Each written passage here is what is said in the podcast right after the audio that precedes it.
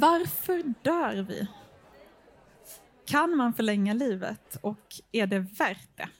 Det ska vi prata om här idag. Det här är den femte omgången av Malmö snackar, samtalsserien som är en podd och ett live-evenemang här på Grand i Malmö. Eh, och kvällens huvudpersoner som står här bredvid mig är Peter Ottsjö, vetenskapsjournalist och författare till denna bok, Evigt ung. Och Johan Brännmark som är docent i praktisk filosofi. Och jag heter Ida Ölmedal, jag är kulturchef på Sydsvenskan. Eh, och som kulturchef så kommer jag att inleda dagens samtal med ett litet stycke poesi.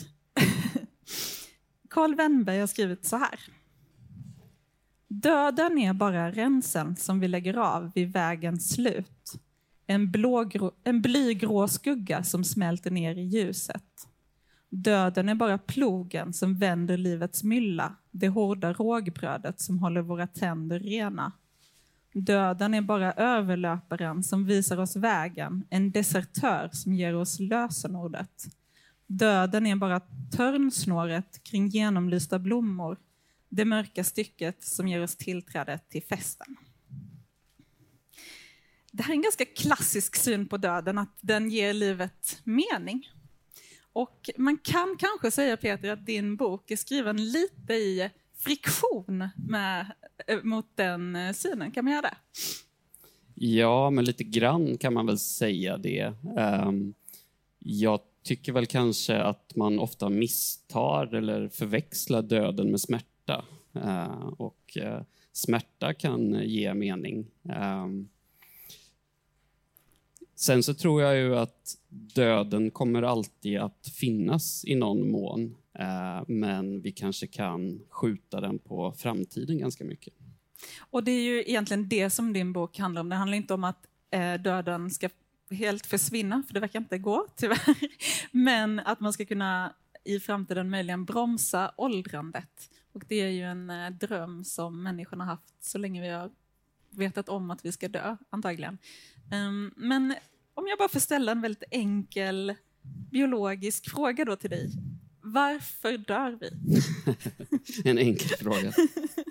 Eh, ja, det beror lite på var vi bor, men om vi tar ett land som Sverige så dör nio av tio människor av en av de så kallade ålderssjukdomarna. Eh, och de mest frekventa bland de sjukdomarna är ju hjärt och kärlsjukdom, cancer, demens, eh, diabetes och eh, man kan väl säga att de sjukdomarna uppstår på grund av ett antal skador som vi över tid samlar på oss. Mm. Vad då för skador? Ja, det, det, jag kan säga för, för 30 år sedan så trodde biologer att eh, det aldrig egentligen skulle gå att ta reda på att åldrande var alldeles för komplicerat. Och nu är bilden en helt annan. Så nu finns det ett tiotal kategorier det mesta sker i cellen som är livets minsta byggsten. Och några är mer systematiska i kroppen kan man säga. Eh, jag skulle kunna gå in på alla skador, men det skulle ta ett tag. Så. Men, men, Läs boken. Ja, exakt. Alla, då, de, då, får man, då, får man, en eh, rejäl lektion ja, i kemi och absolut. biologi och sådär. Men eh, man kan ju också eh, ställa frågan mer som hur kan vi hindra att vi åldras? Vilka är de viktigaste sakerna man kan göra för att slippa dö i förtid? Om du skulle lista dem. Eh, det viktigaste är att det absolut viktigaste för att eh, förbli frisk är att träna att mm. viktträna och att eh, få igång pulsen rejält. Mm. Och det här låter ju lite bisarrt, så här, jaha, är det det viktigaste ja. man kan göra för att leva länge? Ja, än så länge så är det faktiskt de liksom, basala grejerna som är viktiga. Eh, träning, kost, sömn, stress. Det, det är det viktigaste. Men det jag också tycker är viktigt och någonting jag skriver om mycket i boken, det är ju att ta reda på så mycket man kan om sin hälsa. Därför att kronisk sjukdom, bäst, den bästa tiden att behandla kronisk sjukdom, det är innan den uppstår, att Mm. förebygga den. Mm. Det är inte bra att vänta tills den uppstår, därför att då är liksom chansen att ta itu med det på ett bra sätt mycket, mycket sämre. Har du något exempel där? Egentligen alla ålderssjukdomar. Ehm, Så det spelar ingen roll om man pratar om demens eller cancer eller, eller hjärt-kärlsjukdom. Ehm, Det är mycket, mycket viktigare att förebygga dem än att vänta tills det sker. Jag menar, om man tar hjärt och kärlsjukdom till exempel. Det första tecknet på att du är sjuk kan vara hjärtinfarkt. Så, ehm, men det tankesättet har vi fortfarande inte riktigt, vare sig som individer eller, eller i sjukvården än. Men Att det ska- kommer att förändras. Att vi ska mäta och hålla koll på vår hälsa? Ja, för att ge oss en chans att, jag menar, eh, för det första då, så om, om nio av tio människor dör av en, av en ålderssjukdom, så kan man i nästan alla fall räkna med att den personen har haft ungefär tio år med smärta. Ehm, Så man kan ju fundera över, vill man tillbringa sista delen av sitt liv med smärta?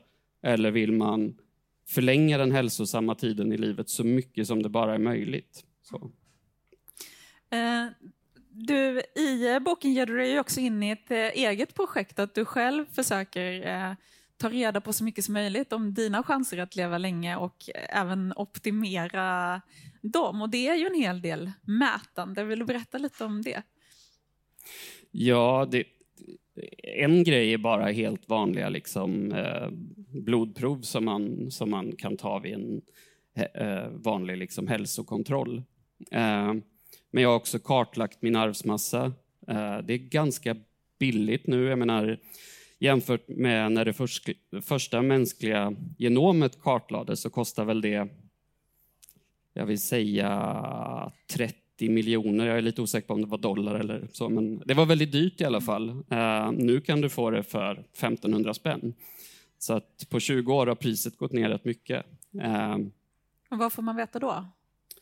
Det beror lite på. Det finns vissa DNA-tester där du får liksom, eh, lite skräddarsydda resultat. De har kollat på vissa delar av ditt DNA. Jag gjorde hela min arvsmassa. Oj. Alla tre miljarder baspar. så jag kan kolla upp eh, varenda gen jag har och alla varianter och så.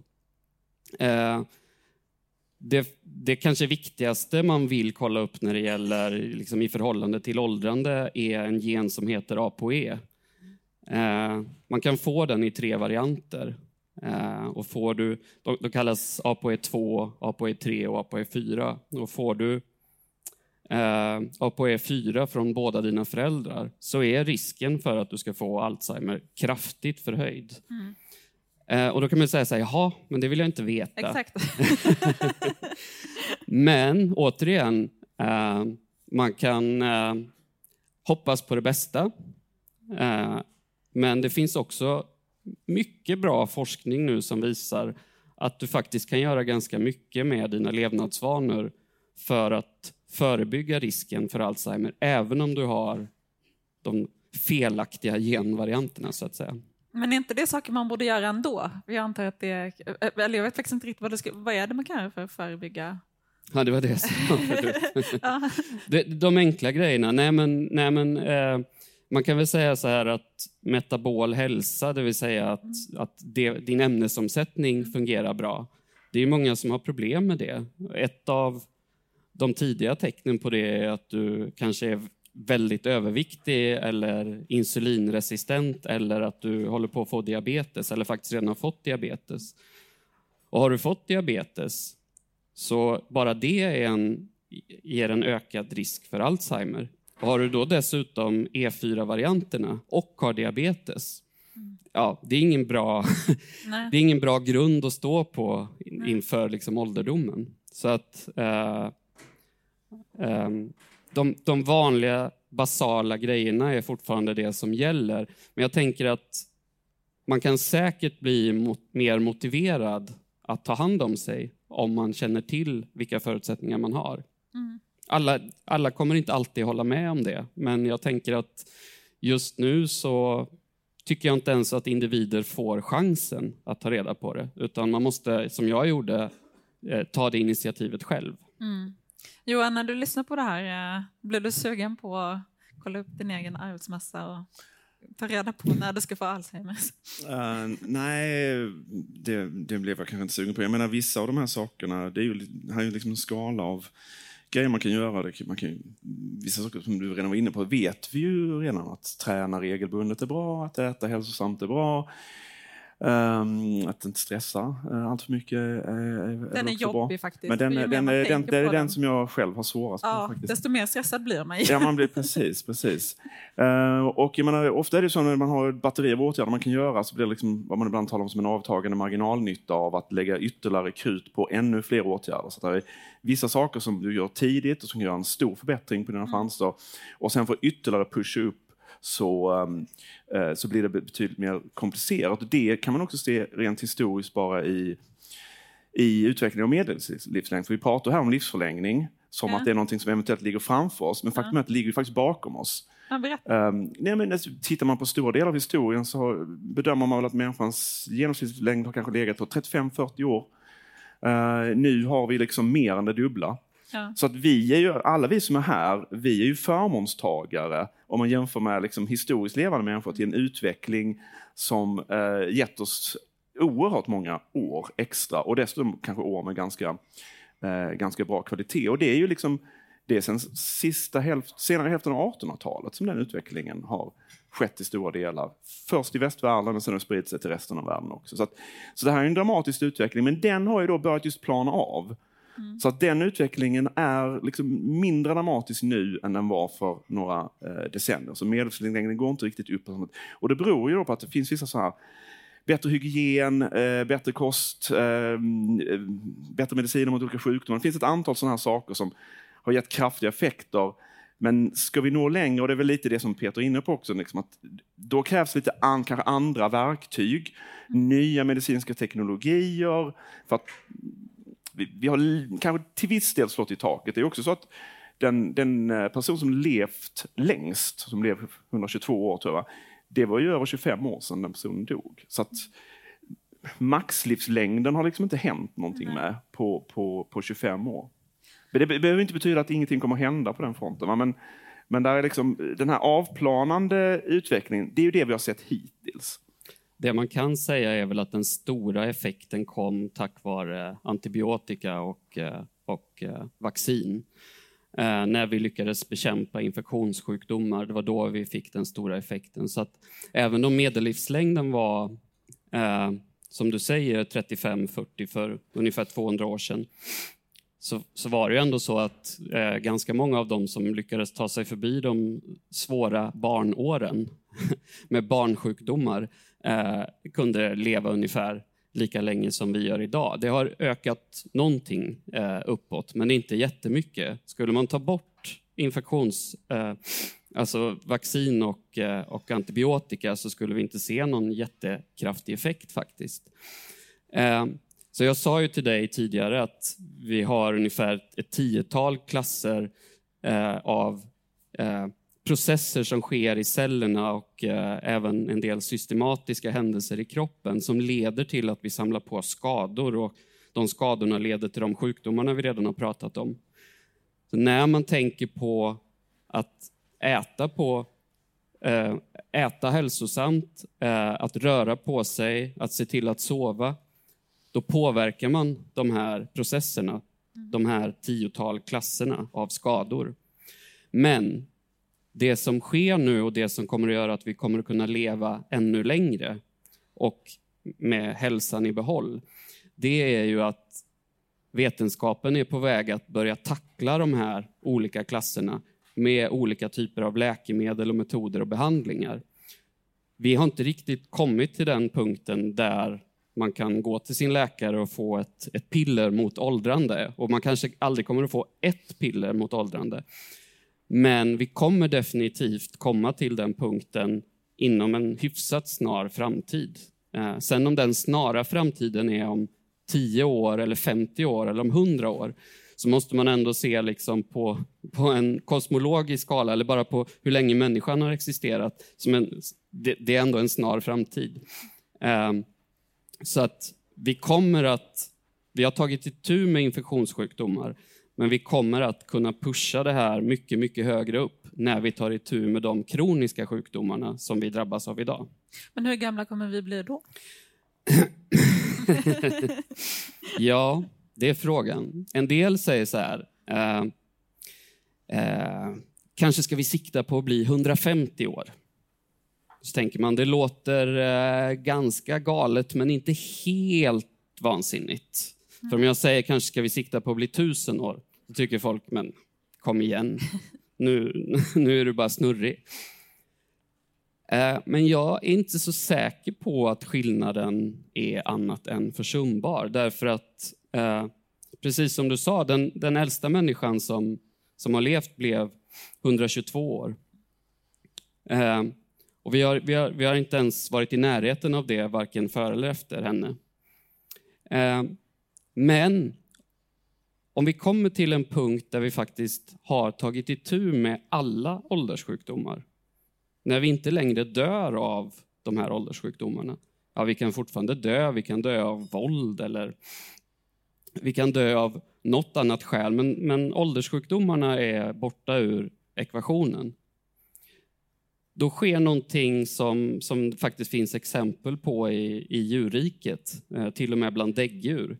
Vi blir ålderslösa, det vill säga risken för att dö ökar inte bara för att tid passerar. Så är det nu. Ju mer den, tid som passerar, ju mer ökar risken Den ökade till och med exponentiellt. Ja, det gör den. Vart åttonde år dubblas den. Det var något som fastnade hos mig. Precis, så risken för en tioåring idag att dö är en på 10 000. Medan risken för mig att dö som är 46 år är ungefär en på 300. Så att det har gått ut för kan man säga. Um, jag tror risken för någon som är 90 eller över är en på 6, så det är ungefär som att kasta tärning varje år. Jag fick en publikfråga här, den här mm. 122-åringen. Eh, vem var det och hur, hur säker är man på att hen verkligen blev 122? Det var en fransyska som hette Jean Colmen. Mm. Jag kan aldrig lära mig att uttala hennes namn ordentligt, men något sånt. Eh, ja, det, det är liksom omdebatterat. så. Eh, och det har väl att göra med att, att hon faktiskt slog rekordet med råge. Eh, så. Men eh, så vitt jag har förstått det så är det väl ganska väl dokumenterat ändå. Dog hon av då? Till slut? Det vet jag faktiskt inte. Och jag tror inte att någon har... Eh, jag tror inte att någon har fått eh, kolla hennes eh, arvsmassa heller. Nej. Vilket är synd, för det skulle förmodligen vara ganska intressant att mm. se vad hon har för gener. Det är ju så att eh, genetiken spelar en större roll för de som blir hundra och över. Mm. Medan upp till den åldern så är levnadsvanor mycket viktigare. Mm. Så att det är ungefär 70-30 i levnadsvanornas favör. Men om du blir en av de här som blir 100 eller till och med över 110 år, mm. då har du förmodligen ett antal gener som verkar skydda dig. Så att du har alla gener för att få sjukdomar som vanligt. Så du borde egentligen bli, få Alzheimer eller cancer eller någon av de andra sjukdomarna. Men du, de får dem inte förrän kanske väldigt sent i livet och sen så dör de kort därpå. Så, så de har inte alls den här långa tiden med sjukdom. Så. Och eh, det verkar finnas ett antal gener då som, som eh, dyker upp eh, när man har studerat de här eh, eh, supergamlingarna, om man ska kalla dem så. Men, men upp till den åldern så ska man hålla sig till eh, en rimlig livsstil, så, så har man gjort vad man kan. Ja, eh, och man kanske man behöver inte... inte kolla sin arvsmassa förrän man börjar närma sig. Ja, nej, men man kanske inte heller ska ta någonting för givet. Jag faktiskt, när jag kollade min arvsmassa så såg jag att jag, det var ju väldigt roligt, eh, jag har faktiskt en av de här genvarianterna som är förknippad med långlevnad. Den är inte helt ovanlig, så att det var inte bara så här en total lyckträff. Jag ska skriva en bok om långlevnad och så mm. råkar jag ha en, en, eh, den, den långlevnadsvarianten. Då. Men, men eh, jag tar inte någonting för givet bara för att jag har den. Johan, när du hör det här, vi skulle kunna bli 150 år, vi skulle kunna bli 1000 år. Ser du några problem? alltså, jag menar, det finns det, på, på olika, lite olika plan. Jag menar, yeah. Som eh, art så är ju eh, ett problem som vi tillfället står inför är ju klimathotet. Mm. Eh, och de problem som överbefolkning eh, för med sig, hur vi tär på jordens resurser. Och mm. om de generationer som finns bara fortsätter att finnas och de fortsätter att skaffa barn så kommer vi så småningom att bli väldigt, väldigt ehm, många och eh, tära ännu mer på jordens, eh, på jordens resurser. Nu vet vi inte hur folk liksom kommer att bete sig naturligtvis om de blir blir så gamla. Vi vet kanske heller inte hur länge fertil ålder kan, eh, kan förlängas. Men, men, men, eh, men så, en typ av överbefolkning är ett problem. Sen på det mer individuella planet så...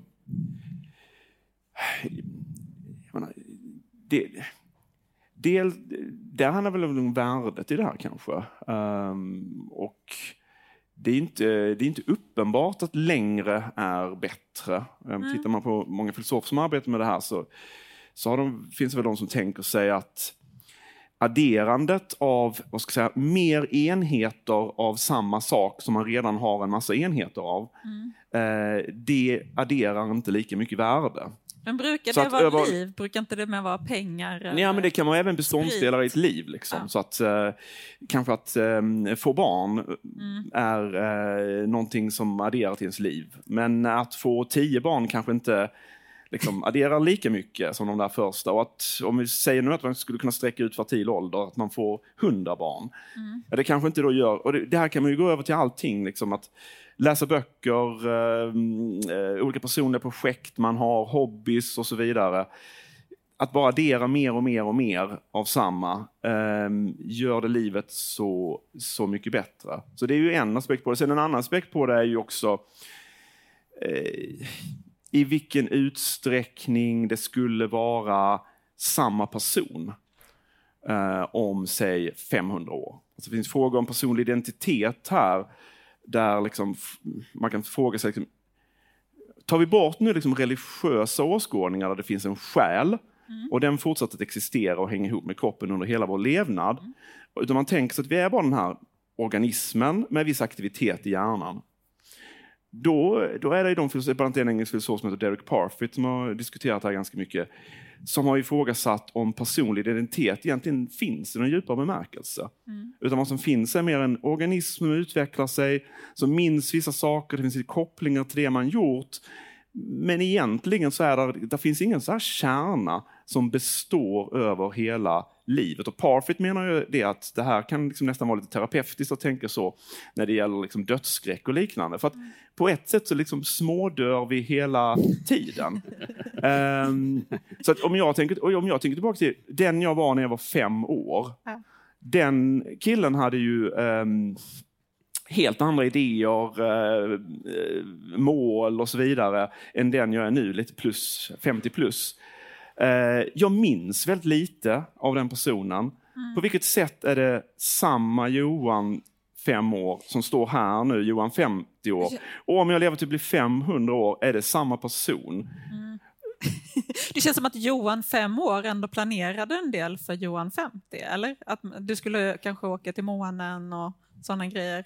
Han brydde sig väl ändå om vad som skulle hända med honom? Det, det gör man, men det tror jag också kanske beror på att vi har en, eh, vi har en idé mm. om att vi överlever över tiden som är väldigt stark. Mm. Men det som de här, de här filosoferna som kritiserar det lyfter fram det är att när vi börjar titta på det här, liksom, men vad är det egentligen? Vad är den här kärnan som består? Om vi nu plockar bort den här idén med att det finns en själ som är densamma. Mm.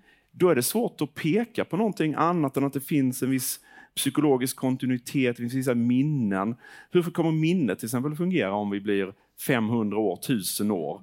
Mm. Jag, menar, jag kommer knappt ihåg vad som hände förra veckan. Så. Eh, det gör jag väl. Men jag kommer inte ihåg vad som hände när jag var fem år. Mm. Och om jag blir 500 år, kommer jag komma ihåg den här kvällen att vi stod och pratade om livsförlängning? Kanske, kanske inte. Så att, är det samma person som består? Jag menar då, då blir också en fråga var ska vi lägga resurser? Ska vi lägga resurser på att förlänga liv på det här sättet? Eller ska vi lägga resurser på att förbättra för de som existerar bredvid oss här och nu? Mm. Så det du säger är att egentligen så har vi inte så starka skäl att bry oss om att vi ska finnas i Nej, så jag menar, för, för, för, egen del, som väl är till viss del övertygad av de resonemangen, så, så känner jag liksom att om jag tänker så här, ska jag pensionsspara nu för att ha det bra när jag är 80? Eller ska jag ge pengar till välgörenhet som hjälper någon nu? Så är det liksom, det är liksom inte den skarpa skillnaden eh, mellan mig och andra, utan det är någon variant på mig som är ganska olik den jag är nu, mm. eh, kontra andra människor. Köper du det här Peter? För det känns ändå som att du har investerat en del personligen i den här idén om att det är bra att bli äldre, eller få fler eh, lyckliga år i alla fall. Eller friska ja, år. Till att börja med så var det ju en diskussion om överbefolkning den dyker alltid, alltid, alltid upp eh, när man pratar om det här. Eh, och... Jag, precis, jag kände att du var tvungen att säga det innan vi gick över på, på den Men det är väl bra, så blir det lite konflikt. ja, absolut. Eh, ja, alltså, jag är van. Eh, det man kan säga om det är väl att eh, det finns inga siffror på att vi skulle bli så vansinnigt många fler. Eh, och det kan delvis ha att göra med att demografer inte har tittat så noga på det här och det kanske de borde ta och göra faktiskt, för, så, att vi, så att vi kan få några siffror att gå efter. Eh, det är snarare så att eh, det de ser demografer är eh, låga födslotal och att vi faktiskt kanske blir färre efter 2050, någon gång framåt 20, 2100. Eh, men... För att, vadå? Eh, för, på grund av låga födslotal, att det föds inte tillräckligt. Och vi vet inte varför det föds få? Eh, jo, för att folk har det bättre. Ja. Eh, Då, när, när vi får det svaret. bättre så föder vi inte så exakt, många barn. Mm. Exakt. Eh, och eh, Kina har ju haft sin, hade sin enbarnspolicy och den har slagit helt bakut nu. Mm. Eh, Sydkorea börjar se problem med det här. Mm. och fler länder Ja, men I Sverige föds väl lite, lite färre barn? Ja, men vi har inte ja, börjat se några effekter av den vad jag vet. Men i alla fall, det, det jag tycker är ett viktigare argument när det gäller eh, att man ställer överbefolkning mot att göra någonting åt åldrande, tycker jag blir hela tiden väldigt bakvänt. Därför att det handlar ju egentligen inte så mycket om att räkna varje individ och säga nu är vi för många, så många kan vi inte vara. Det finns någonting lite äckligt i det tycker jag. Däremot så kan man ju dess, absolut... Det var relaterat till klimatfrågan nu. Ja, ja, men det är ändå lite så här, jag vet inte. Det är någonting som inte känns bra i mig. Alltså det är ju någonting som ibland sägs att eh, om man vill göra en insats för klimatet, ja. dra ner sitt fotavtryck, så är det bästa man kan göra att inte skaffa barn. För att addera ytterligare en person som lever i Sverige eller två, eller tre eller fyra. Mm. Det gör ett klimatavtryck som är mycket större än alla grejer som, här, som att jag åker lite kollektivt istället. Eller liknande. Så att jag menar, Men, det, det är liksom, också att se till att, att menar, dö i adder, Adderar vi människor, ja. de här teknikerna kommer ju adderas i första hand i välmående länder. Ja. Adderar vi fler människor så att vi blåser upp befolkningsländerna, då blir det ett klimatavtryck. Det... Kan man inte bestämma att efter hundra får man inte flyga? Om du ska bli över hundra så får du leva lite sparsamt. Alltså det, det kanske, jag menar, är, nu hoppar vi lite här, men det kanske kan vara okej. Jag menar, en, en grej som också, sån här effekt som eh, radikal livsförlängning kan få, det är ju kanske så att vi vill inte flyga längre, för att det finns en liten risk för en olycka. För det är, en, det är en annan aspekt som man kan dö av. Det är olyckor. Och där är en sån här, det är extremt svårt att veta på förhand. Men säg att vi kan bli tusen år. Hur rädd kommer man vara för olyckor? För att, men nu är det så här, om jag åker ut för en olycka så tappar jag kanske 30-40 år. Något sånt där. Oh. Um, men om jag skulle bli tusen år, om jag skulle bli tusen år och liksom, eh, liksom åka flygplan och sen bara störta det och så sitter jag på planet och tänker varför åkte jag på men den här semestern? Men du sa i och för sig innan att åren inte är så mycket värda när de är så många. Alltså, du och jag skulle ha helt olika inställning till att åka flygplan. Ja, jag skulle ju aldrig sätta ja. mig på ett. Men nej, du... nej, men alltså jag kanske skulle tänka att jag menar, det, ja. det inte spelar så nej. Men också att vara skadad om man blir det. Att vara skadad i 950 år verkar jättejobbigt. Men var det så att vi eh, smet iväg från ett resonemang ja, nej, det som du var mitt i? Där? Det jag tänkte säga är att, att um, om man frågar en uh, de allra flesta människor. Vill du, vill du att vi ska bota cancer? Mm. Så kommer nästan alla, eller kanske alla, säga ja, det vill jag. Det är ingen som vill ha cancer. Ingen som vill att någon annan ska drabbas av cancer. Men då går vi inte till cancerforskarna och säger, liksom, eftersom det är så, vi är överens om att vi vill bota cancer, så därför går vi inte till cancerforskarna och säger, äh, ni måste sluta med er forskning faktiskt, för att det är inte bra. Det kommer ju att göra att människor lever längre. Så kan vi inte ha det. Um, och så ställer man samma fråga om Alzheimer. Vill, vill vi att vi ska bota Alzheimer? Vill vi att folk inte ska få hjärtinfarkt? Och så vidare. Ja, vi vill alla de sakerna. Ingen, ingen vill ha de sjukdomarna. Men så säger man, ska vi göra något åt åldrande? Nej, nej, nej, nej, nej, nej, nej. Det leder till överbefolkning. Och det, men det är samma sak. Liksom. Det, är, det är ingen skillnad egentligen. Är det inte för att det finns en föreställning om en naturlig och eh, rättvis död när man har levt klart, man inte fått någon smärtsam sjukdom, man somnar in omgiven av sin familj? Jaha, jag tror inte... du tror inte på det? Nej, jag tror, jag tror eh, att man, eh, det här med att man somnar in omgiven av sin familj, det är något vi läser om i tidningen. Mm. Så, det är väldigt sällan så det går till, tror jag. Mm. Eh, men jag tänker så här att eh, om man är 150 år, eller 500 år eller 1000 år, man mår bra, jag vet inte hur det blir med kontinuiteten och, och, och minnet. Men du är det, inte så det, bekymrad över det, det Nej, det är jag inte så bekymrad över. Eh, mina atomer i min kropp har ändå redan ersatts massor med ja. gånger så att det, det, går nog bra. Um, det man kan göra är, för att det blir, så, det blir så märkligt att börja tänka i de tidsspannen.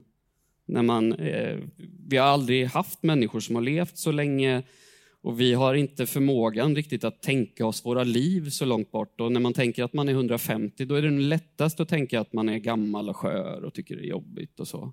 Man måste ju tänka, om jag är 150 och jag mår bra, livet känns okej, okay, vill jag dö imorgon? Jag tror att 150-åringen skulle säga, nej jag vill inte dö imorgon. Jag har ju massa grejer jag ska göra imorgon ju. Kan ja. inte dö då. Nej. Så. Ja, just, man vill aldrig dö imorgon. Nej, det finns nog smärtsamma stunder i livet. Man Precis, men, känner men, så, men... men det, det, är ju just för att då, då, finns den starka kontinuiteten med det framtida jaget. Om det är imorgon, eller nästa vecka eller nästa månad. Men den här liksom, bör man tänka sådär längre fram, om hon, alltså ska, ska jag bli hundra år, eller något, då kanske många är mer så här, ja kanske, kanske inte. Och det, har man en, en syn på personlig identitet och hur man fortsätter att vara över tid. Som just är liksom det här att mer kan handla om gradskillnader än att det finns någonting, någon kärna som består. Då är det fullt rationellt att bry sig ganska mycket om morgondagen, men inte fullt så mycket om kanske ett eventuellt framtida jag hundra år in, in, i framtiden. Mm. Vi fick en eh, smart publikfråga här som löd hur mycket äldre vill folk bli egentligen? Finns det några undersökningar på detta? Ja. Har man frågat människor hur, hur gamla ja. är helst? Det var en eh, analysfirma i USA som gjorde en undersökning för ungefär tio år sedan. Eh, folk vill inte bli särskilt gamla. Nej, det ligger i linje med vad Johan sa. Ja, vad beror precis. det på då? Men jag tror att de, jag, jag, tror inte på dem. Vad sa de? Hur gamla vill de? ja, men jag minns inte riktigt. Eh, men det var ju liksom åldrar som vi, som vi eh, nästan kan se fram emot redan idag. 80, 90, sådär. Varför tror du inte på dem då? Därför att jag tror att, uh, jag tror att ett skäl är att, uh, ett starkt skäl är att de tänker sig då att man ska leva i, om, om vi lever i 150 år så tänker de, jaha, ska jag leva halva livet med kroniska smärtor och, och gå runt och, och bara plågas? Mm. Så, mm. Varför ska jag göra det för? Och mm. självklart. Uh, Eh, det är liksom... Livet ska ju vara behagligt också, inte alltid, men, men det ska ändå vara någon slags eh, övervägande del som känns meningsfull. Mm. Så, så, måste det ju vara. En, liksom en, en stor del av det är ju att vara fri från smärta, vara fri från sjukdom och eh, kunna ta hand om sig själv, känna mm. att man är självständig, känna att man kan ägna sig åt det man tycker är kul. Och det knyter an till det jag sa i början om att det är viktigt att ta reda på saker om sin hälsa nu, därför att jag tror att när man kommer upp i den åldern så kommer man fortfarande ha det behovet. Man kommer inte vilja vara sjuk och inte kunna ta hand om sig själv. Sen det här med vad folk säger att de vill ha. Det finns ett fenomen som man brukar kalla för adaptiva preferenser. Mm. Där, um, ett klassiskt exempel på det är den här gamla då fabeln om som vi i Sverige gett upphov till eh, begreppet surt sa räven och rönnbären, men eh, på andra engelska till kallas för sour grapes, och det är druvor det handlar om då, som egentligen är söta. Och då, då är det så här, då är det en, det är en räv som ska försöka nå, nå, nå någon eh, druvklase, når de inte och då säger, tänker liksom att ah, de där är sura, de vill jag ändå inte ha. Så att om någonting är utom räckhåll så kan vi då tendera att liksom anpassa vad vi vill ha. För att det är väldigt frustrerande att gå omkring med önskningar och förhoppningar som vi vet att vi inte kommer kunna realisera. Mm. Så att liksom, om jag, eh, jag, jag, tror inte jag drömde om att bli fotbollsproffs när jag var fem år. Jag minns inte den där femåringen så mycket. Men, men om jag hade den drömmen då och sen plötsligt upptäckte att men jag är inte så himla bra på att spela eh, på fotboll. Mm. Och sen bara fortsätter jag ha den här drömmen. Mm. Jag ska bli fotbollsproffs. Ja. Alltså, det skulle vara enormt frustrerande. Så anpassar ju vad jag vill efter vad som är realistiskt möjligt. Så det gör liksom att den här typen av frågor, sådana här liksom som är lite så här, drar åt bortom det möjliga, vad vill du ha egentligen? Det finns en risk att folk anpassar sig efter vad de tror är realistiskt möjligt i de svar. Det knyter ju lite an till dikten jag läste i början, därför att just den här, den beskriver ju en syn på döden som någonting som eh, ja, men som sagt ger livet mening och någonting som ramar in i livet och ger det liksom en dramaturgisk kurva också.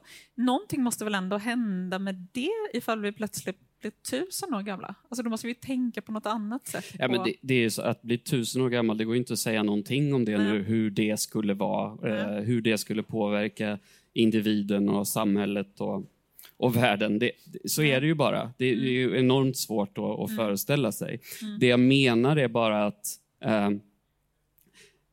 det här, det här däggdjuret jag pratade om förut som, som eh, inte åldras bara för att tiden går, det lever i Afrika under jord och eh, heter nakenråttan, kan man googla. Det är en, en söt liten krabat. Det, och, och, men den dör ändå till slut? Den bara åldras inte? Ja, men jag tror att uh, insikten om att den är ålderslös är ganska ny. Så att vi har helt enkelt inte hunnit testa. Nu har man nakenråttor i isolerade miljöer, i, i labb, och kollar liksom. Eh, och de kan fortfarande dö och de kan fortfarande drabbas av sjukdom. Men det finns ingen exponentiell liksom, linje Nej. att de dör mer när de är gamla än när de är unga. Så, eh, risken för en nakenråtta att dö är alltid en på 10 000. Mm. Och jag tror ju att vi människor skulle kunna nå den punkten också, där vi i någon mån är ålderslösa, där vi i någon mån liksom har frikopplat tiden från åldrandet. Mm. Eh, och då kan man prata om att då, då, blir det helt plötsligt statistik. Om, om det är en på 10 000 att vi dör så kommer vi förmodligen leva ganska länge.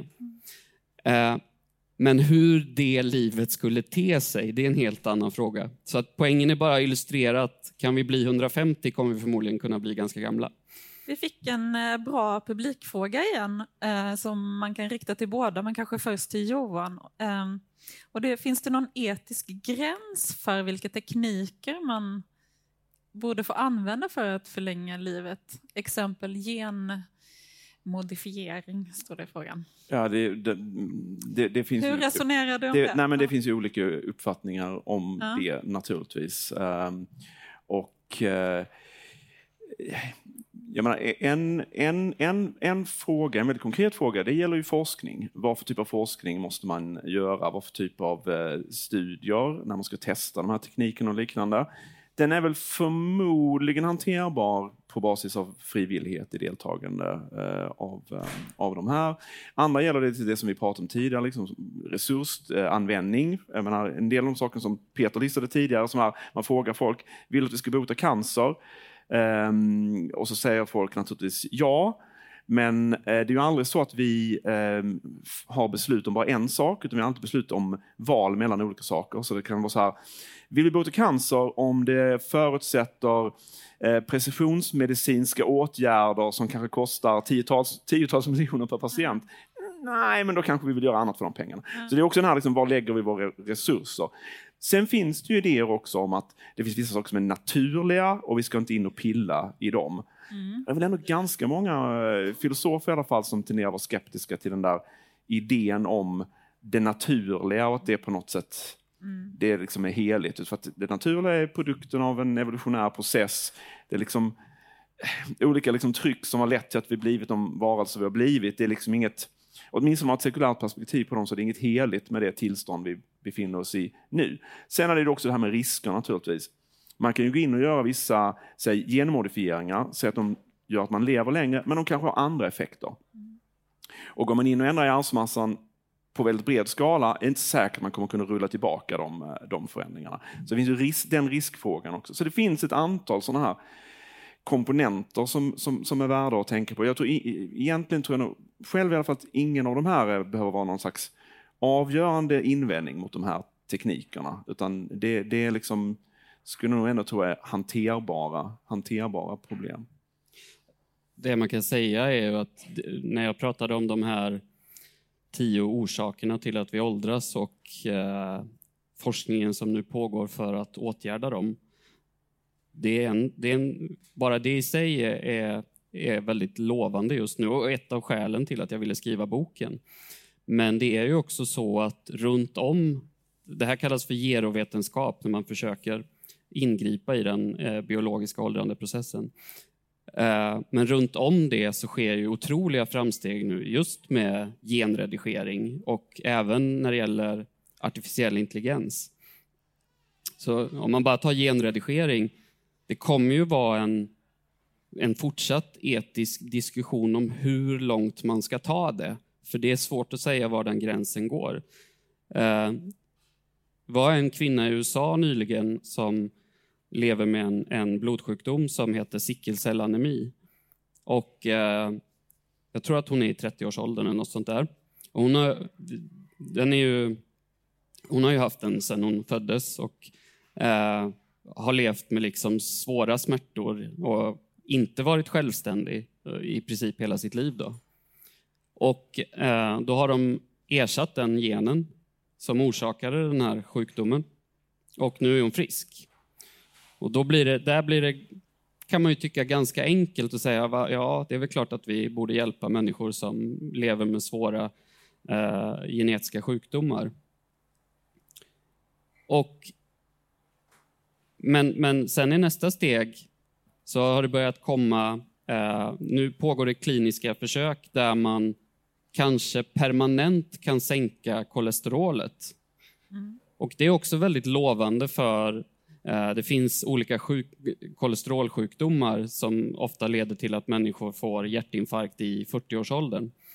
Eh, men det finns inget som säger att vi inte skulle kunna ha permanent sänka kolesterolet för oss alla och på så sätt komma åt hjärtsjukdom. Ja, men det kanske vi också kan tänka oss. Vad skulle så. problemet vara? Alltså vad är det etiska Nej, problemet? Frågan är hur långt man tar det. Mm. Eh, till exempel eh, så skulle man kunna fråga Ehm, attrib mänskliga attribut, egenskaper, ehm, olika typer av kanske psykisk ohälsa som ändå ger oss eh, egenskaper som vi kanske tycker är bra för, för liksom mänsklig variation och så vidare. Ehm, så, så att det är en glidande skala och ingen vet riktigt var, var gränsen går och det kommer liksom vara en fortsatt diskussion om det. Jag, jag tror att den typen av frågor är ju, liksom, är ju extremt eh, besvärliga när det gäller många av de här genredigeringsteknikerna, också beroende på att det behöver inte alltid vara välmenande demokratiska samhällen i vilka de används. De kan ju då, om de verkligen utvecklas långt så kan de användas på en rad olika sätt för att forma människor som kanske är lydigare och liknande. Så jag tror liksom, här tror jag nog att livs livsförlängningsfrågan tillhör nog en enklare ur etiskt hänseende ja. jämfört med andra användningar av den, liksom, den typen av tekniker. Mm. Mm. Hur, kan, hur kan AI förlänga livet då, nu när vi ändå är inne på det? Ja, um, AI kan ju användas i alla fall inom biologin och inom forskning och inom medicin. Till exempel så skulle det vara eh, när det gäller all läkemedelsutveckling så kommer artificiell intelligens att påskynda den. Därför att AI kan se mönster som inte människor kan och kan testa ett oändligt mycket större antal eh, potentiella läkemedelskandidater jämfört med vad som skulle ha varit möjligt annars. Så att vi kommer definitivt att se en snabbare läkemedelsutveckling nu. Men AI kan också vara ett komplement inom medicinen där man faktiskt, eh, och det börjar vi ju se redan, eh, hur, hur man kan eh, använda det för att ställa diagnos till exempel. Bara häromveckan veckan så kom det väldigt lovande resultat från England, tror jag det var. Jag är inte säker på det, men, men när det gäller att diagnostisera cancer. Så att AI är ju liksom en, en exponentiell teknik som egentligen accelererar eh, allt. Mm. Och det gäller även inom biologi och medicin. Och bortsett från vad vi talar om livsförlängning i termer av den liksom biologiska organismen som vi är, så kan det finnas andra användningar som också är en typ av livsförlängning. Man brukar ibland säga det här med liksom att man dör två gånger. Den första gången är liksom när den fysiska kroppen dör och den andra gången är sista gången någon uttalar ens namn. Mm. Så att det finns en typ av att leva kvar, även om den biologiska organismen, där kan man ju mycket väl tänka sig AI-tillämpningar där jag skapar en, en slags bot mm. som jag skriver in minnen, den lyssnar på mig så att den lär sig hur jag pratar med röstsyntetisering. Möjligheterna där inom bara kanske, låt oss vara lite så här, inte ta allt för kort år, men 10, 20, 30 år. Liksom. Att skapa typ av replikas av oss själva som kan hänga kvar även efter att vi dött.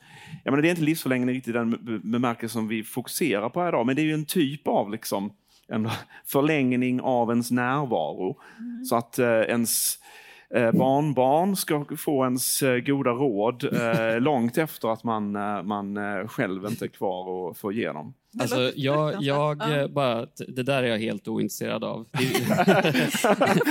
ändå att du Nej, alltså, skulle finnas kvar då? Eh, Woody Allen brukar säga att eh, jag vill inte bli odödlig genom mina filmer. Jag vill bli odödlig genom att dö.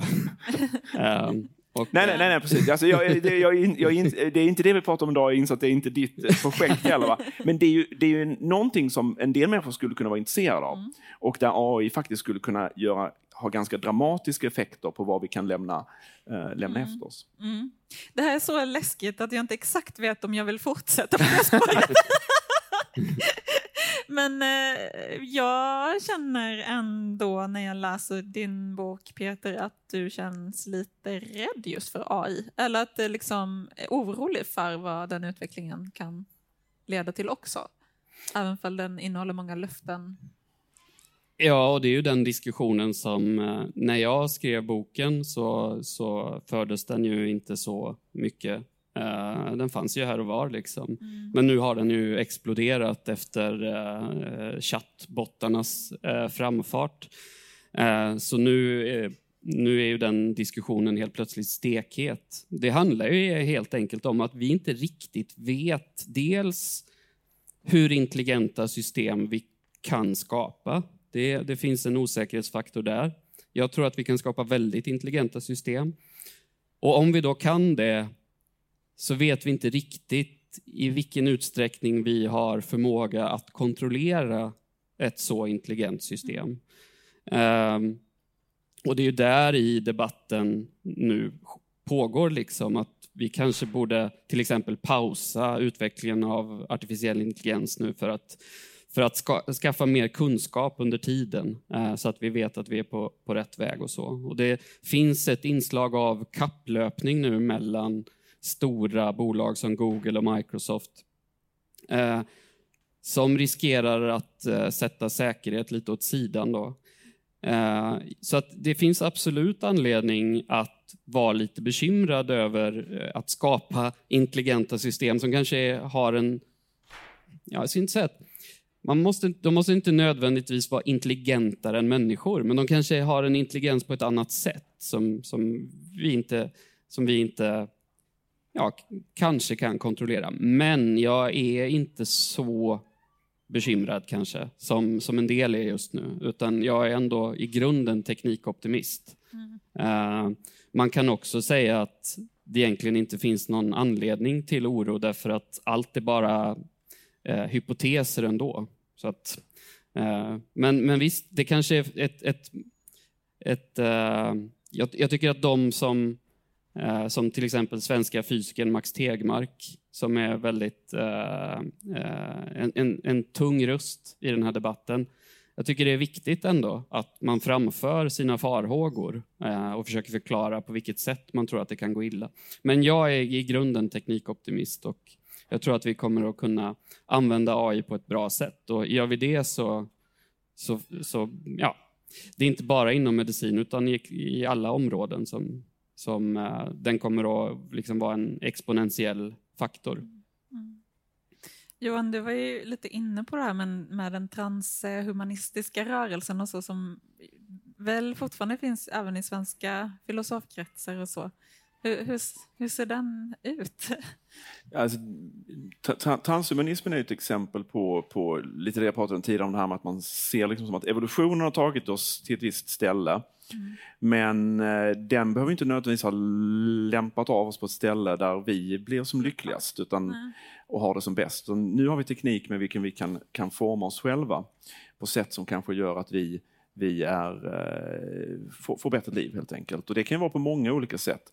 Så att jag menar, livsförlängning är ju en aspekt av det, men det kan ju finnas andra typer av grejer också. Att liksom öka våra kognitiva förmågor till exempel. Kan ju vara, kan ju vara ett exempel också på, på någonting som potentiellt kan göra kan göra en, eh, en lycklig. AI är ju ett annat sånt här exempel då på där ju många transhumanister eh, diskuterar väldigt mycket vad som händer när AI blir tillräckligt intelligent för att liksom då verkligen utveckla sig själv på ett sätt som vi lite tappar kontroll över. Mm. Singulariteten pratar man ibland om. Och då, då, är ju, då är ju idén att det här kan då plötsligt bara explodera eh, när AI liksom bygger om sig själv och blir smartare och smartare. Det är inte längre vi som bygger en smartare AI, utan AI bygger en smartare version av sig själv, som bygger en smartare version av sig själv, och den gör det i superhög hastighet. Så att där finns en tanke om att det kommer den här exklusiva eh, explosiva eh, utvecklingen. En annan grej som, jag, menar, jag vet att Peter inte är intresserad av den ty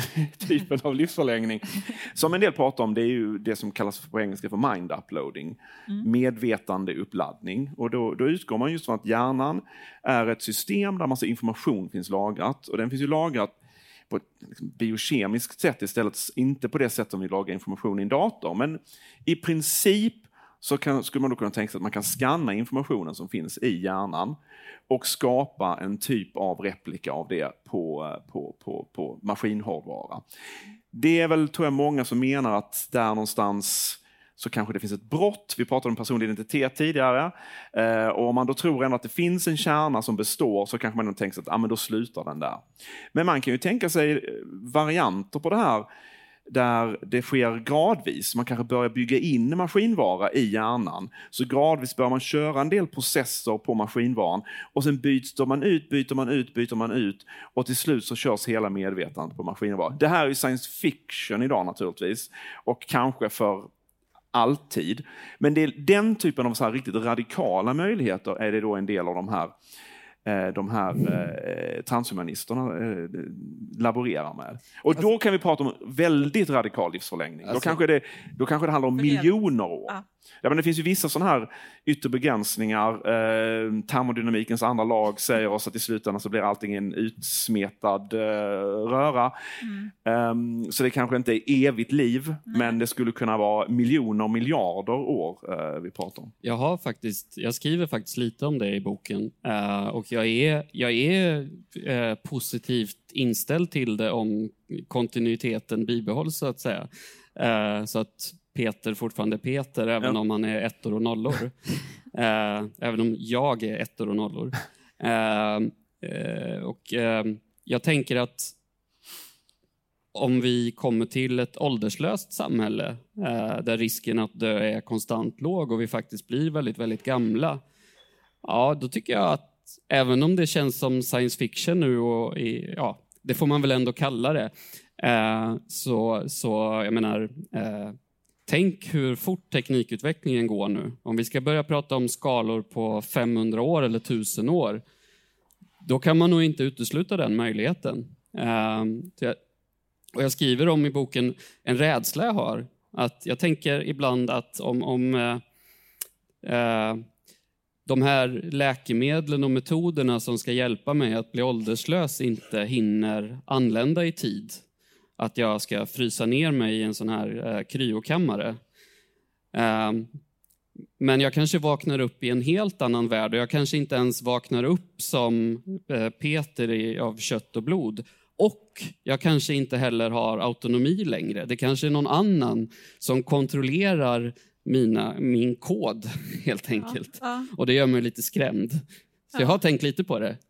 Precis, och en del av de här eh, transmänniskorna drar det här ett steg längre också. De har börjat acceptera möjligheten av att medvetande kan köras på hårdvara. Herregud. Hur vet vi då att det inte redan har skett? Och att vi egentligen ligger lever på hård... simulation. Ja. Vi lever i en simulation. På publiken för ja, har vi tappat det nu? Hänger med? Ja, ska, alltså, vi, ska vi gå eh, tillbaka? En, en enkel fråga bara, kan den här hårdvaran alltså uppleva? För det tänker jag är alltså det, är ju, det är ju en, det är ju en fråga liksom, ja. som, som egentligen är en öppen fråga. Och det är ju en, ja. det är också en, det är ju en fråga som vi kommer att ta, även om vi inte får den här typen av mind vi pratade om AI tidigare, så en fråga som vi kan behöva ta ställning till när AI blir mer eh, komplicerad, det är ju, måste vi respektera den här AI som ett moraliskt eh, subjekt? Alltså ska vi, mm. om den uttrycker önskemål, Um, redan nu så kan man ju liksom, uh, ha, ha, en del som har skrivit som har promptat ChatGPT och uttrycka dödsskräck och liknande. Är det så att vi når, når en punkt där liksom vi, vi måste liksom respektera det den känner, eller känner, vi kanske måste betrakta den som att den känner saker, ja. har viljattityder, preferenser och liknande. Jag vet inte om jag vill vakna upp eh, i den tiden, det verkar så himla komplicerat. Det är i och för sig väldigt intressant just som tankeexperiment det där med, men nästan åt andra hållet tycker jag att om jag funderar på om den där datorn är jag och inte känner mig så säker på det, så närmar jag ju mig å andra sidan din syn att jag om hundra år inte heller så himla mycket jag. Alltså det vill säga att personlig identitet är lite relativt och inte så Nej, men, kanske inte så viktigt. Precis, jag tror, jag tror att många nog ändå har den inställningen att även om man skulle kunna skapa någon version av en som körde på, en, på, en, på, på någon typ av maskinhårdvara så mm. skulle det inte vara samma. Nej. Sen finns det då en del, som jag redan var inne på, som tror att samma till viss del gäller redan på den här biologiska hårdvaran mm. som, som, eh, som, som vi för närvarande körs på. Vi har kommit en bit från att jag ja. sa att eh, träning var det viktigaste. Ja, exakt. Stackars de som bara kom hit för att få lite tips för hur man skulle leva gott i 75-årsåldern. Men eh, nu har vi fått en liten inblick i eh, den transhumanistiska världen där du har vistats en del Johan. Du har ju eh, Peter vistats lite då bland eh, långlevnadsnördar kan man väl säga och lyssnat på poddar och läst läst artiklar och så. Vad är det för värld, vad är det för människor som är så besatta av att bli, av att bli maximalt gamla? Kan man säga någonting om det? Klyschan är väl att det är så Silicon Valley-killar? ja, det är ju fördomen kanske, ja. att det blir lätt att man tänker att det bara är... Eh, Rika tech-optimister. Ja, som har insett att det enda de inte kan köpa är ett långt liv. Liksom. Mm. Och så tänker de, jo men det kanske vi kan. Och så, och så äh, stöttar de forskningsfältet med en massa pengar. Men eh, det är ju egentligen alla sorter skulle jag säga. Jag tror att det i grunden är väldigt många intresserade av eh, sitt eget åldrande. Eh, inte minst så ser vi att det finns en enormt stor skönhetsindustri som ofta går ut på att man ska se yngre ut än, än hur många år som faktiskt har passerat sedan man föddes. Eh, och det går ju att omsätta till eh, sunda levnadsvanor så att man på insidan eh, är yngre än, än vad, vad, som kanske står i passet. Liksom. Mm. Så att, eh, jag tror att alla är intresserade av det. Men sen är det klart att det finns en grupp människor Uh, och jag skulle inte säga att jag tillhör den gruppen ens. Uh, jag är inte sån som, jag, jag, får höra det ibland, du nämnde det här ordet optimera och jag är lite allergisk mot det därför att uh, då tror kanske folk att jag måste ändra mitt liv på ett radikalt sätt mm. för, att, för att öka mina chanser att leva länge. Och så är det ju inte riktigt. Men det finns en grupp människor som är väldigt nördiga och som ska hålla koll på varenda gram de stoppar i sig och tar enormt många prover och så vidare och gör det ofta. Och så. Uh, men uh, jag, kan inte, jag, jag, vet inte hur homogen den gruppen är. Liksom. Uh, kanske mer killar än tjejer, men jag är inte det? säker på det. Varför? Ja. Jag vet faktiskt inte riktigt. Har det alltid varit så här, att vi varit så fixerade vid att bli äldre? Eller att bli så gammal? Ja, men det, det är i alla fall så länge vi har haft någonting som har varit nedskrivet. Alltså, eh, Gilgamesh-eposet räknas väl som världens äldsta litterära skrift. Och eh, det är ju ett av huvudtemana eh, där. Och sen har det liksom varit den här dragkampen mellan, när man pratar om till exempel överbefolkning och så, den frågan är inte alls ny, utan den har liksom funnits eh, genom historien också. Eh, eh, det har funnits en falang som brukar kallas för dödsapologeter, alltså att man försöker rationalisera döden eller hitta skäl till att det faktiskt är bra att vi dör. Och sen har det funnits en annan falang som har försökt övervinna döden, inte minst alkemisterna som ju försökte eh, skapa de vises sten. Eh, det var ju låter ju liksom som en uh, saga nu för tiden och uh, populariserad i böcker som Harry Potter och sådär. Men, men det var ju faktiskt en, en uh, föregångare till det vi kallar vetenskap nu. så. Så det var absolut en, en reell jakt på det vises sten. Och det är ju inte, det är inte så konstigt heller att det här är något som människor alltid har tänkt på. För att jag menar, döden är liksom en av de här sakerna som är extremt viktiga för att strukturera vårt liv och eh, också som är så här svårgreppbart när man försöker tänka på det. För man, kan liksom, man måste tänka på något där man inte själv är med men samtidigt så är man här och tänker på det. Det, liksom det, det är väldigt svårt att greppa det överhuvudtaget. Jag menar, döds, dödsrädsla, oro för att dö, det, det, det, är liksom, det, är inget, det är inget konstigt att människor eh, har behövt hantera det i alla tider. Sen kan det finnas olika sätt att hantera det. När religion kan erbjuda vissa lösningar. Eh, möjligtvis kan tekniken erbjuda andra lösningar. Man kan väl säga att en, en viktig skillnad är ju att liksom, en del så här religiösa föreställningar handlar ju om ett, handlar ju ofta om ett evigt liv. Medan det här handlar ju ändå om livsförlängning som vi pratar om nu. Va? Och då är det fortfarande så att jag kommer att dö. Det är mer en fråga om när, det är inte en fråga om om, eh, utan det är en fråga om när. Och, och, då är det ju, vi har redan varit inne på det lite, då är det, det är inte givet att liv, radikal livsförlängning kommer att vara en bra bot mot dödsskräck eller dödsångest. För det kan vara det här att man börjar oroa sig just över olyckor, eh, sådana här saker som kan beröva en på 900 år av extra liv. Så att ehm, det vet vi helt enkelt inte. Hur, hur skulle vi reagera på, hur skulle vi navigera livet om vi visste så att om jag verkligen sköter mig och har tur och inte råkar ut för olyckor, då kan jag bli tusen år. Mm. Men har jag otur så kan jag liksom dö imorgon. Och, och just ångest brukar ju börja i att man tror att man kan kontrollera någonting. Så jag tänker just det här mätandet och liksom jakten på att ha koll på hur väl man sköter sig och så skulle ju teoretiskt sett kunna öka ja, döds... Men vi, vi har ju redan eh, till exempel screening för vissa typer mm. av cancerformer. Jag tror inte att någon tycker att det är dåligt, mm. utan eh, jag tror att vi tycker om att vi screenar för bröstcancer till exempel, att det är en bra sak. Men också lite skönt att en läkare bestämmer när man ska göra det och att det inte är hela tiden. Ja, men det är ändå någon, någonting du, det är ett besked du kan mm. få ja. eh, som du inte hade fått annat, ja. annars förrän du kanske får mm. eh, cancer.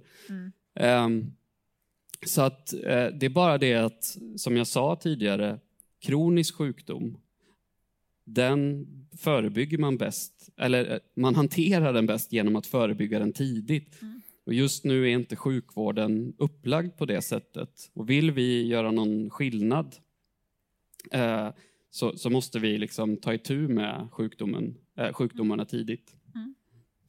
Vi fick en publikfråga här eh, eh, som lyder, finns det någon samhällsnytta med att göra människor äldre?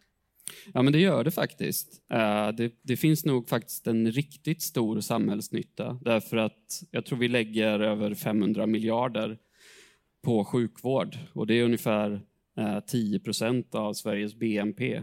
Och det är ungefär jämförbart med andra, andra länder. Eh, väldigt, väldigt mycket av de pengarna går till att bara ta hand om människor med kroniska sjukdomar. Eh, så om vi skulle kunna komma till en situation, vi behöver inte prata om 150-åringar, men låt säga att vi kommer till en situation där faktiskt folk lever längre med hälsan i behåll och har en kortare tids sjukdom innan man dör, så skulle det spara enorma mängder pengar. Och det är viktigt av det skälet att vi faktiskt blir fler som är 65 och över. Så redan nu är det väldigt dyrt, men antalet 65-åringar, jag kommer inte ihåg hur mycket det kommer att öka, men det kommer att öka ganska mycket bara på tio år nu. Eh, så att samhällsnyttan är, är såklart eh, jätte, jättestor. Eh, jag tror, jag tror den är helt nödvändig faktiskt. kan ju till viss del hänga på hur kostsamma de här behandlingarna som behövs och hur kontinuerligt man måste ta vissa mediciner och vissa interventioner. Ja, men jag, det måste jag, göra så. så, att, så att, men, men samhällsnytta är ju liksom många aspekter. En, när man tittar på välfärd så är det också sådana saker som hur vi mår. Och jag menar, det är ju en, en sån faktor som också är svår att förutsäga. Det är hur man hanterar ett väldigt långt liv som kanske då ändå i slutändan är att man kommer upprepa likartade upplevelser gång på gång på gång på gång. Och det, det finns, här i Malmö till exempel, vet jag inte om kanske en del av er har varit och tittat på Janacek-operan Fallet Makropolis. Som ju är då en sån här konstnärlig behandling av det här temat som just betonar ledan av att leva eh, länge. Och skulle det visa sig så att liksom, vi, vi helt enkelt ljumnar lite i våra intressen, eh, idéer och liknande. Vi heller kanske inte har riktigt den här, jag måste hinna det här för att jag Nej. blir inte så gammal. Det kanske blir någon så här lite, lite grå mellanmjölkstillvaro det här långa livet. Och då skulle det, liksom, om man tänker på välfärdsnivån i samhället, då skulle det vara bättre att ersätta med nya människor som kommer ut med entusiasm och drömmar och förhoppningar än att liksom samma människor liksom så att eh, ljummet sitter och, och ehm, eh, räknar dagarna. Just det här argumentet det har också flera tusen år på nacken. Faktiskt. Är det sant? Ja, du är inte den första filosofen som kommer med det. Men, vad, Eh, jag minns inte vem det var nu, men, men just argumentet att livet blir eh, tråkigt och att man bara upplever samma sak om och om igen. Kan ha varit någon stoiker. Jag, jag ja, minns alltså, inte riktigt. En, men, en, eh, en lite modernare filosof som har fått fram den typen av eh, resonemang är Bernard Williams, en, en, en, brittisk filosof. Och han, han diskuterar där kontra, eh, också döden kontra odödlighet. Där han liksom utgår från att döden är någonting dåligt men just av den här typen av hänsyn då landar i att odödlighet skulle vara ännu värre. Så, döden, så det är liksom två dåliga saker här. Döden är dålig, men odödlighet skulle vara ännu värre. För tänk bara liksom, nu, nu det här, vi pratar om livsförlängning i en helt annan skala än odödlighet. odödlighet. Det går en miljard år, det går en miljard, miljard år. Mm. Liksom, du har inte ens börjat på din odödliga existens. Hur, hur skulle man kunna hantera det utan att drabbas av, av, eh, av leda? Just i fallet Makropolis som du nämner på Malmö Opera, huvudpersonen där som lever i 500 år ja, eller något sånt där, hon blir ju dessutom ganska grym. Alltså, hon, hon är inte en snäll Eh, 500-åring, eller vad var nu är, jag minns inte exakt. Och, eh, och det är ju någon älskare till henne som någon som tar livet av sig va, av olycklig kärlek eller så. Och hon kommenterade med att ja, det är så många som har gjort det. men vi fick en, vi ska ju snart runda av här, men vi fick en eh, lite mer romantisk eh, publikfråga som jag tänkte att vi kan sluta med. Eh, om vi nu ska leva så här länge då, hur skulle vi se på kärlek och citat, du är den enda, idén om den enda? Vad tror ni? ja, alltså jag menar, det, det, där har väl redan kanske skett vissa förändringar med att man ofta kanske har flera partners över ett liv så att även om man inte liksom är någon slags radikal relationsexperimenterare så kanske man är mer så här seriemonogam. Det är ju liksom jag tror, jag var Göran Persson som någon gång fick en fråga på liksom, um, om, om de här höga skilsmässotalen i Sverige och han menade liksom, att vi tycker så himla mycket om att gifta oss. uh, så att då är det ju kanske bara liksom, det, det, är något positivt i det här, att man får göra det flera gånger. Nej men det, det, är, väl, det är väl fullt, det är väl fullt med att tänka sig att det kanske blir just, om, om inte annat bara för att få någon typ av variation, att det skulle, det skulle bli att man är, byter partner um, över, över de här tusen åren. Men vem, vem vet, alltså det, är liksom, det är väldigt svårt att svårt att veta liksom, hur man hanterar det här. För att, jag, menar, jag tror många par som hänger ihop, de hänger ihop för att de utvecklas parallellt med varandra. Mm. Och på ett sätt som gör att de också fortsätter utbyte av varandra. Mm. Och hur skulle, hur skulle vi utvecklas med de här tidsperspektiven. Så himla svårt att göra slut och sen ska någon lära känna 200 års historia. Liksom. Alltså, jag kan ju säga att jag och min sambo, vi har, vi har ju lite bekymmer för att uh, hon är inte alls intresserad av det här som jag pratar om. och du har också den här långlevnadsgenen. Exakt. Hur ska det här gå till? Så hon behöver verkligen ja. kämpa på då? Ja. Precis. Nej, men, Nej, men eh, det, kärlek är väl en, eh, och förhållanden är ju såklart eh, ny terräng om vi lever väldigt mycket längre än vad vi gör idag. Hur ska vårt rättssystem se ut? Pensioner. Där tror jag visserligen att pensionssystemet, många tänker att ja, men då måste vi liksom justera upp pensionssystemet jättemycket då ju. Så att fransmännen blir ännu mer förbannade och, och sätter hela Paris i, i lågor.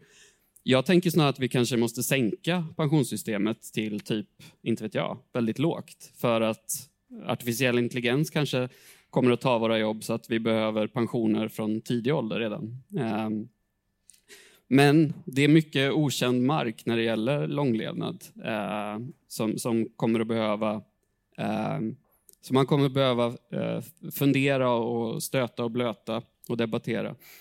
Ehm, men jag tror också att, jag är inte helt säker på att ni tror mig när jag säger att ni kommer att eller ni eller framtida versioner av människor kommer att bli ålderslösa. Um, så att först måste vi liksom komma till en punkt där folk faktiskt på riktigt fattar, oh, wow, uh, det här är otroligt lovande för att faktiskt ta itu med åldrande. Så, det, här, det här är på riktigt, jag ser det nu. Liksom. Mm. Då kommer den stora debatten om, ha, hur ska vi hantera det här? Och det, jag tror inte att det kommer vara, nej vi ska inte utveckla den typen av medicin, utan alla kommer, eller väldigt många kommer vilja ha den. Och då måste vi på riktigt ta itu med, med de frågorna som till exempel relationer. Mm. Vi får se hur det blir med kärleken helt enkelt. Men vi tog ett litet eh, steg på vägen mot det här då. Um, ja, det här var Malmö snackar nummer fem. Um, Eh, som alltså är ett samarbete mellan Sydsvenskan och Malmö universitet. Ni heter Johan Brännmark och Peter Ottsjö och jag heter Ida Ölmedal. Tack så mycket för att ni har lyssnat.